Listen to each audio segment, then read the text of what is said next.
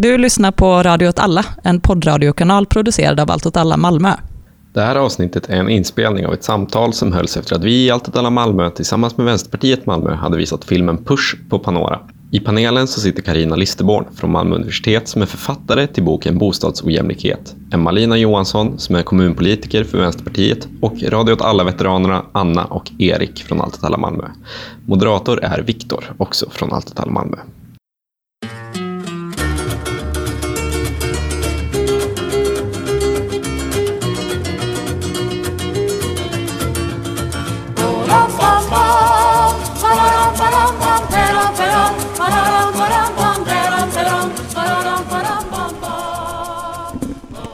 Jag tänker att vi skulle kunna börja med att fråga om man tänker på Malmö och tar avstamp i filmen, eh, vad kan man dra för analyser då, så att säga?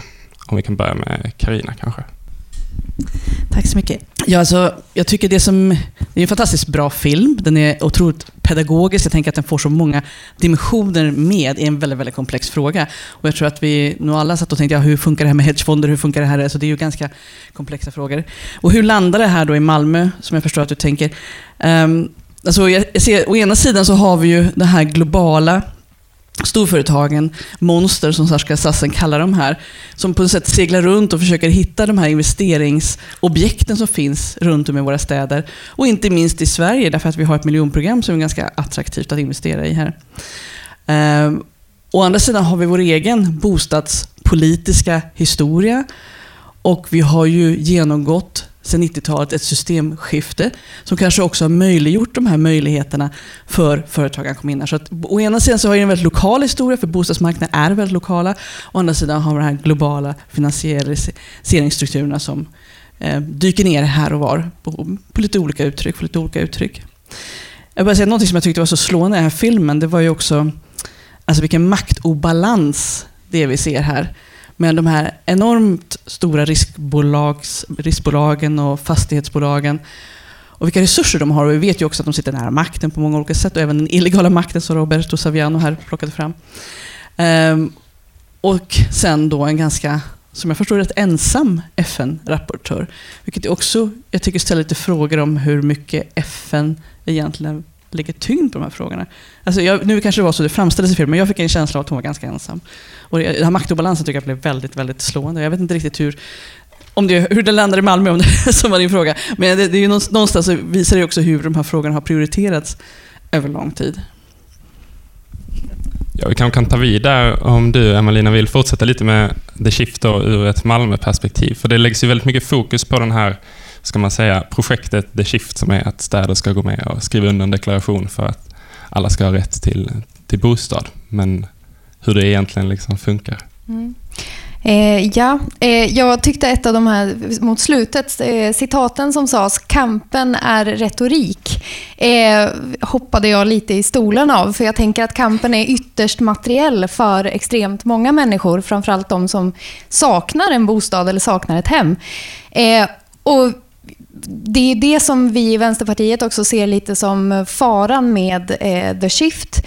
Vi är glada på ett sätt såklart att man har skrivit under det här. Vi tänker att eh, om sossarna och liberalerna tycker att det, de kan leva upp till detta så är det alldeles fantastiskt om man börjar se bostaden som en rättighet och inte som en vara. Men samtidigt ser vi också hur beslut i Malmö går helt på tvärs med de eh, intentioner som det här FN-initiativet har. Vi ser hur Eh, man säljer av mer och mer kommunal mark. Vi ser hur man eh, eh, bildar nya bolag där MKB, allmännyttan, är en delägare men släpper makten över bolagen till privata alternativ.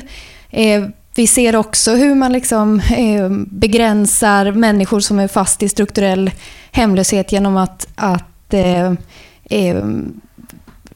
ge dem bistånd en vecka i taget istället för att liksom hjälpa till långsiktiga lösningar. Alltså det finns så många saker som går på tvärs med vad man faktiskt har skrivit under. Och det tänker jag är en stor oro. Liksom. Hur tänker ni där borta om, om The Shift som politiskt verktyg? Anna, nu tar vid. Ja, alltså jag tänker som du säger att det handlar mycket om retorik och inte så mycket om konkreta lösningar. Och eh, mycket om det handlar om, också om att eh, kommunerna har liksom inga verktyg faktiskt för att kunna göra de strukturella förändringar som vi behöver göra.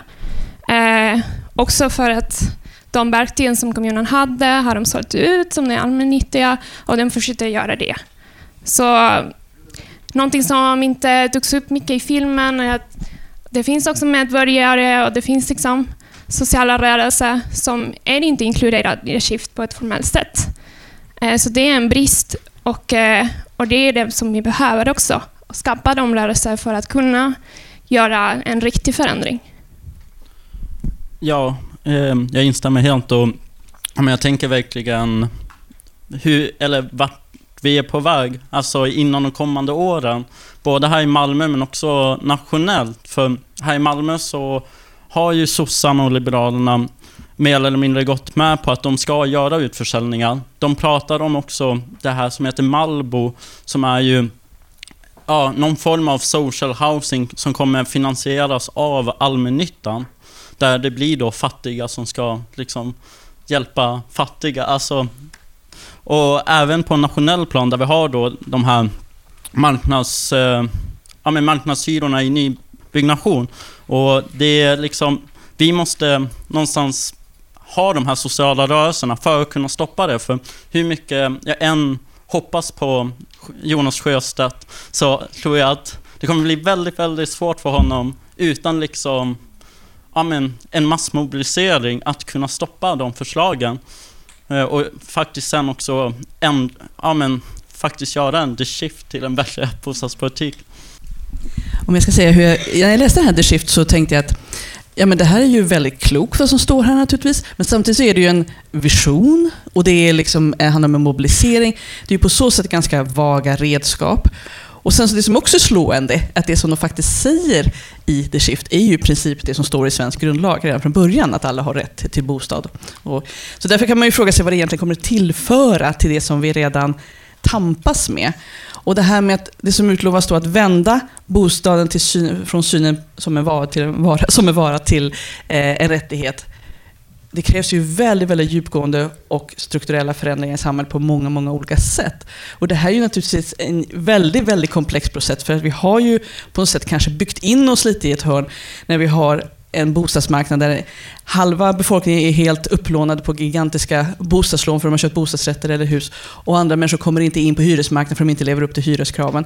Så att vi har ju liksom en jätte, jättekomplex situation. Och skulle man börja bygga väldigt mycket billiga hyresrätter, vilket vi gärna vill, så kommer det ju påverka hela bostadsmarknaden. Det kommer påverka priserna på bostadsrätterna, vilket kommer leda till en katastrof på den sidan. Så det här är ju väldigt, väldigt svårt för någon politiker, tror jag, att, att verkligen tampas med. Så att vända det här eh, Atlantången, eller vad man ska kalla det, det, det, tror jag är en ganska komplicerad historia. Och att då skriva på det här kan vara lite... Ja, men menar man det så är det fantastiskt bra, men det kanske är också lite naivt. Jag tänker vi kan ju dröja kvar lite det där också, hur man, eller jag kan få intrycket lite i filmen att man gömmer sig bakom det här begreppet, alltså rättighet eller sådär. Alltså vad är det egentligen också? Um, och vad, eller så här, vad tänker vi kring vad rätten till bostad egentligen innebär mer än att bara ha en lägenhet man kan, man kan stänga om sig i. Liksom. Om du vill. Anna kanske ta i det? Um, nej, men jag tänker att um det är som du säger väldigt svag att prata om rätt till bostad. Och eh, det blir väldigt individuellt på något sätt också. Eh, jag tycker att det är på något sätt mer intressant att prata om rätten till staden, för då pratar vi mer om kollektiva termer. Och eh, ett hem är liksom inte bara ett hus. Det bygger på liksom en massa liksom externaliteter som liksom det sociala sammanhang. Var, var ska det här huset byggas? På vilket sätt? Till vilka människor?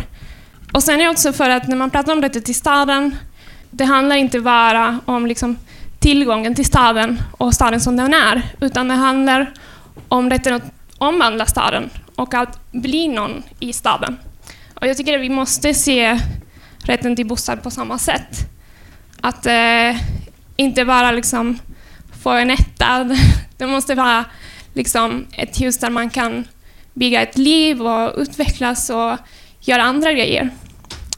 Um, alltså jag känner bara att det finns en bredare begrepp som handlar om bostadspolitiken som också som rättvisa, som demokrati, så att det blir någon slags urban allemansrätt eller så. Ja, jag håller verkligen med. Jag tänker att det är så mycket, alltså det är ju extremt komplext verkligen.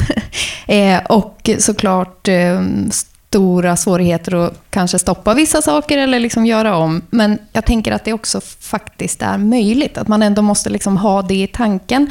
Eh, jag tänker här i Malmö som ett exempel eh, har vi en helt ny stadsdel som ska byggas eh, i Nyhamnen inom de närmsta 15 åren, säger jag, lite halvdant sådär. Men ja, eh, där man ju verkligen skulle kunna satsa på att eh, gå före, alltså gå, gå i bräschen för att skapa någonting helt nytt, om man bara ville.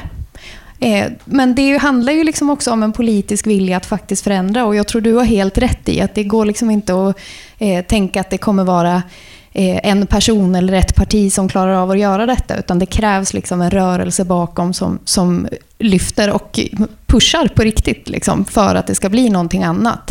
Ehm, och det hoppas jag ju att vi kan, att vi kan skapa, jag säga.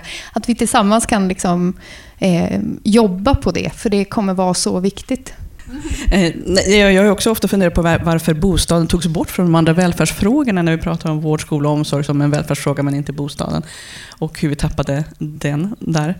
Jag tror också naturligtvis att det finns möjlighet. Jag tänker också att Malmö är ju ändå inte i en sån fruktansvärd situation som kanske Stockholm är.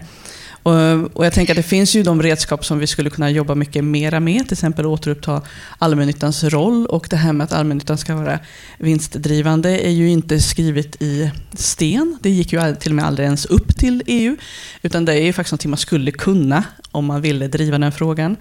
Det här med investeringsstöd har ju varit viktigt, men jag tänker också det som brukar lyftas ibland av kommunala byggbolag. Det är ju inte heller omöjligt. På 70-talet hade vi BPA som var LO-ägt kanske inte var helt optimalt, men det, var ändå liksom, det fanns andra möjligheter att organisera saker och ting. Och jag tror att vi behöver en mycket större bredd vad det gäller bostadsbyggandet och tänka liksom lite nya termer av det. Så jag tror det finns absolut många möjligheter att göra någonting och att Malmö är liksom ändå inte så kört till botten som man ibland kan känna att det är i andra städer. Ja, eller jag har ju tänkt lite i termen på inflytande och trygghet. Kanske inte de här jättestora. Men just eh, att för mig så handlar det väl lite om alltså bara möjligheten att kunna ja, men dels säga nej till renoveringar och att det faktiskt är ett nej då. Men också kunna styra dem. Tror jag, alltså bara den lilla grejen hade gjort väldigt mycket för väldigt många.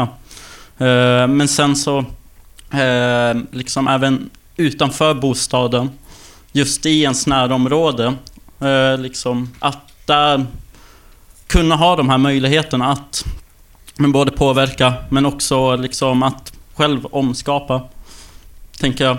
Eh, hade liksom gjort väldigt mycket. Ja, ja, jag tänkte eller också det här på eh, alltså renoveringar och renovräkningar eller åtminstone att man har svårare att betala sin hyra efteråt. Det ser vi I Malmö ser vi hur man liksom, så fort flyt, man, någon flyttar ut från en lägenhet så liksom totalrenoveras och så går hyran upp och sen så flyttar in någon annan som är mer kapitalstark i den lägenheten.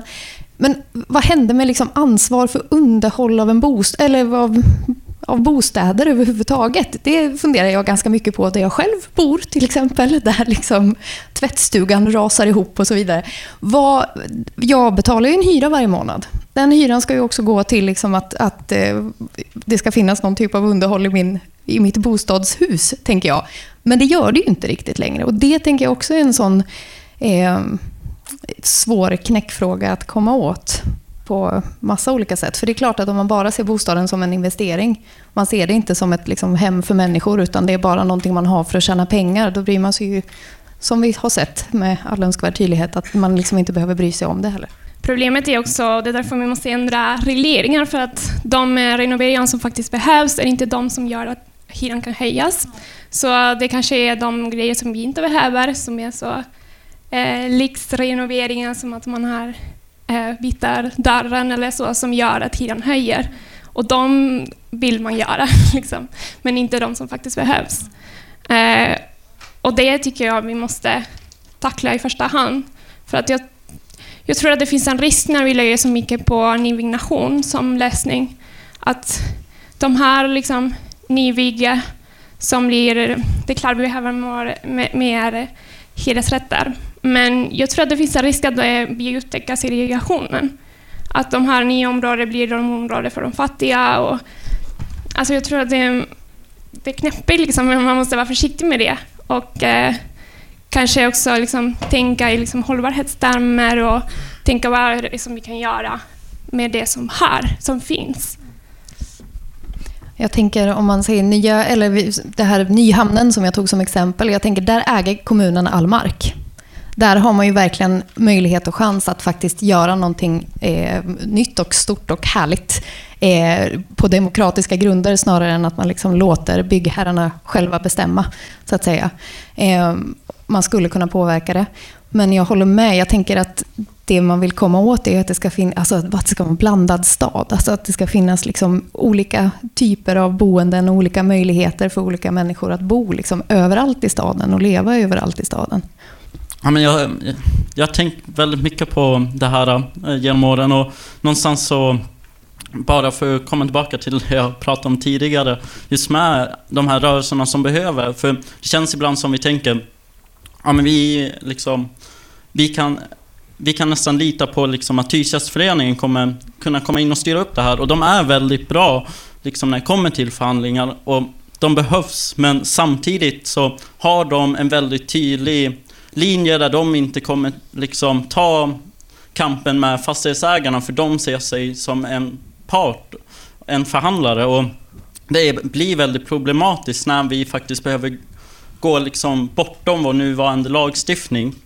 Men jag faktiskt läste den här boken Bostadsojämlikhet tidigare i år och där så finns det ett litet stycke som handlar om eh, hyresstegningslagen från 1917. och, den, och just den lagen, då fick inte fast, om jag minns rätt så fick fastighetsägarna inte höja hyran mer än de faktiska utgifterna de hade haft. Någonting sånt. Ja, det, precis. Det var ju då en hyresregleringslag utifrån en väldigt prekär bostadssituation som rådde vid den tiden. Sen så togs ju den där bort och istället kom ju bruksvärdessystemet. Så hyres, när folk, politiker säger att vi måste få bort hyresregleringen kan man säga att den försvann 1968. Eh, bara så att vi, det är klargjort. Och sen så ersatte vi med bruksvärdessystemet. Någonting annat som jag också jag tycker man kan lära väldigt mycket av historien. Och jag, när jag skrev den boken så blev jag väldigt så här, in, intresserad av historia.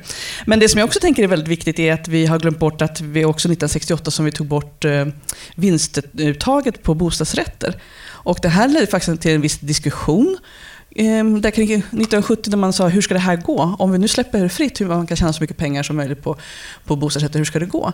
Och det fanns ju en viss oro, men sen glömde man bort det. Och det tänker jag, där var väldigt ett typiskt exempel på där politikerna inte tog sitt ansvar. För att vad hade hänt om vi hade följt upp det här betydligt bättre och inte hamnat i den här situationen vi har? För bostadsrättsförening var ju en gång i tiden en kollektiv boendeform som andra kollektiva boendeformer. Vilket man kanske glömmer bort ibland. Ja, eh, när jag tänker på, vi pratade lite innan här och så pratade vi bland annat om kinesiska muren här i Malmö. Som ju är ett sånt typexempel på hur illa det kan gå eh, för de människor som har, eh, bor där helt enkelt. Eh, men också hur det är ju även, relaterat till den här filmen, även i det huset och i andra hus finns företag som äger lägenheter som Malmö stad i sin tur sen hyr dygnsboenden av för abnorma summor istället för att ha det i egen regi. Det är ju också liksom ett slöseri, eller slöseri, jo, det är ett slöseri med skattebetalarnas pengar. Man skulle kunna göra på ett helt annat sätt helt enkelt. Och också att man skulle kunna eh, Alltså att människor tjänar pengar på andra människors hemlöshet och olycka är på något sätt liksom fundamentalt fel i min värld. Jag tänker att det handlar liksom om vilket samhälle vill vi ha på något vis. Att vi måste fundera över det. Jag tänker att vi kan ta tillfället i akt att kanske blicka framåt där. För det är en sak som glöms rätt mycket i filmen i alla fall är ju det blir ganska mycket individfokus och ganska lite fokus på de rörelser som ändå har drivit fram många av de kraven som de här, till exempel den borgmästaren i Berlin skröt om att de köper tillbaks eh, mark från, från privata eh, värdar och så. Eh, men om man då skulle ställa frågan, som kanske sista fråga här, men hur skulle då en, en framtidens bostadspolitiska rörelse se ut för att då kunna nå den här? David. Ja, här tycker jag det finns jättemycket exempel faktiskt runt om i Europa. Eh, ja, men dels har vi ju som de nämnde i filmen Barcelona. Eh, där man har ju skapat plattformar som sen har tagit sig in i liksom deras stadsfullmäktige. Eh, så har vi Berlin där man håller på att försöka få igenom en folkomröstning om att frysa hyrorna. Vi har ju i alla fall för några år sedan så fanns det flera olika sociala eh, och eh, rätten till staden rör sig i Polen, eh, runt om i, landet. Och sen så eh, vet jag att det finns en, eh, en eh, plattform i Zagreb i Kroatien som har kommit in i kommunfullmäktige som har liksom imiterat Barcelonas eh, och bildat en allians mellan olika eh, vänster och liksom miljöpartier. Eh, och här finns det ju liksom en väldigt stor erfarenhet och väldigt stora möjligheter för att skapa nätverk. Hur, och liksom, allt går nog inte att applicera i den svenska kontexten, men man kan liksom hämta inspiration, se vad folk har gjort och liksom ta det där. Man måste inte uppfinna hjulet igen. Alltså det är alla de här erfarenheter och det känns lite kanske som att vi är i någon slags båge, eller det är nice att tro det, att det händer någonting i världen. Och jag tänker också att det, är, att det är viktigt att vi också tittar in i Malmö. Och för att Malmö har en jättebra historia av social rörelse. Och ehm, vi, vi kan liksom ta på det som har funnits här och det som finns i världen och göra någonting nytt. Alltså jag känner att mycket av de här gentrifieringsprocesser i Malmö har försökt liksom ändra berättelsen om Malmö och göra Malmö till den här kunskapsinnovationsstaden. innovationsstaden Malmö har alltid varit en arbetarstad och en stad för kamp. Så jag tycker verkligen att vi måste liksom komma tillbaka till det och säga nej, inte här, inte i Malmö. Liksom. Ja, jag, jag tror att folk är ganska arga runt om i Sverige eh, på många olika saker. Och jag tycker att det händer väldigt mycket. I helgen så hålls ju bostadsförrådet upp i Stockholm och det är som samlar många olika rörelser runt om i Sverige. Det händer väldigt mycket. Och jag tror framförallt det som har organiserat många är ju det här kring renovräkningar och, eh, med de enorma hyreshöjningarna som man har skrämts av. Det som jag kanske vi ser att vi inte riktigt har pratat så mycket om i de olika rörelserna är kanske det här Eh, alltså den sjuka bostadsmarknaden i stort, att det är så många som har så svårt att komma in på bostadsmarknaden. För att ofta så blir det kanske att man för talan för någon grupp som redan har en bostad, medan de som inte har en bostad, och det behöver ju inte bara vara alltså, olika grupper av hemlösa, men det handlar ju också om ungdomar, det handlar om kvinnor som sitter fast i kvinnojourer som inte kommer vidare, det finns många typer, ja, nyanlända migranter, det finns mängder med grupper som har jättesvårt att komma in. Och det, de, deras röst hörs inte alltid så mycket i den nya bostadsdebatten. Det jag, tycker jag är en viktig grupp. Ja, jag tänker att den, eller den, de som lever i, i staden måste liksom få möjlighet att kunna påverka hur staden ska se ut på olika sätt. Jag tänker att det finns mycket arbete att göra eh, för att de rösterna ska höras på ett politiskt plan där besluten fattas. Eh, och jag tänker också att det finns otroligt många organisationer, eh, både liksom förbund som jobbar med de här frågorna, men också organisationer som jobbar med hemlöshetsfrågor, som, jobbar med, som möter människorna som inte har en bostad varje dag, eh, som har en enorm kunskap som liksom inte riktigt lyssnas på. Som jag tänker att man behöver lyssna mer på som beslutsfattare. Nu tackar vi för det. är det någon av er som vill säga något sista innan vi avrundar för kvällen? Nej. Det var Tack för att ni kom.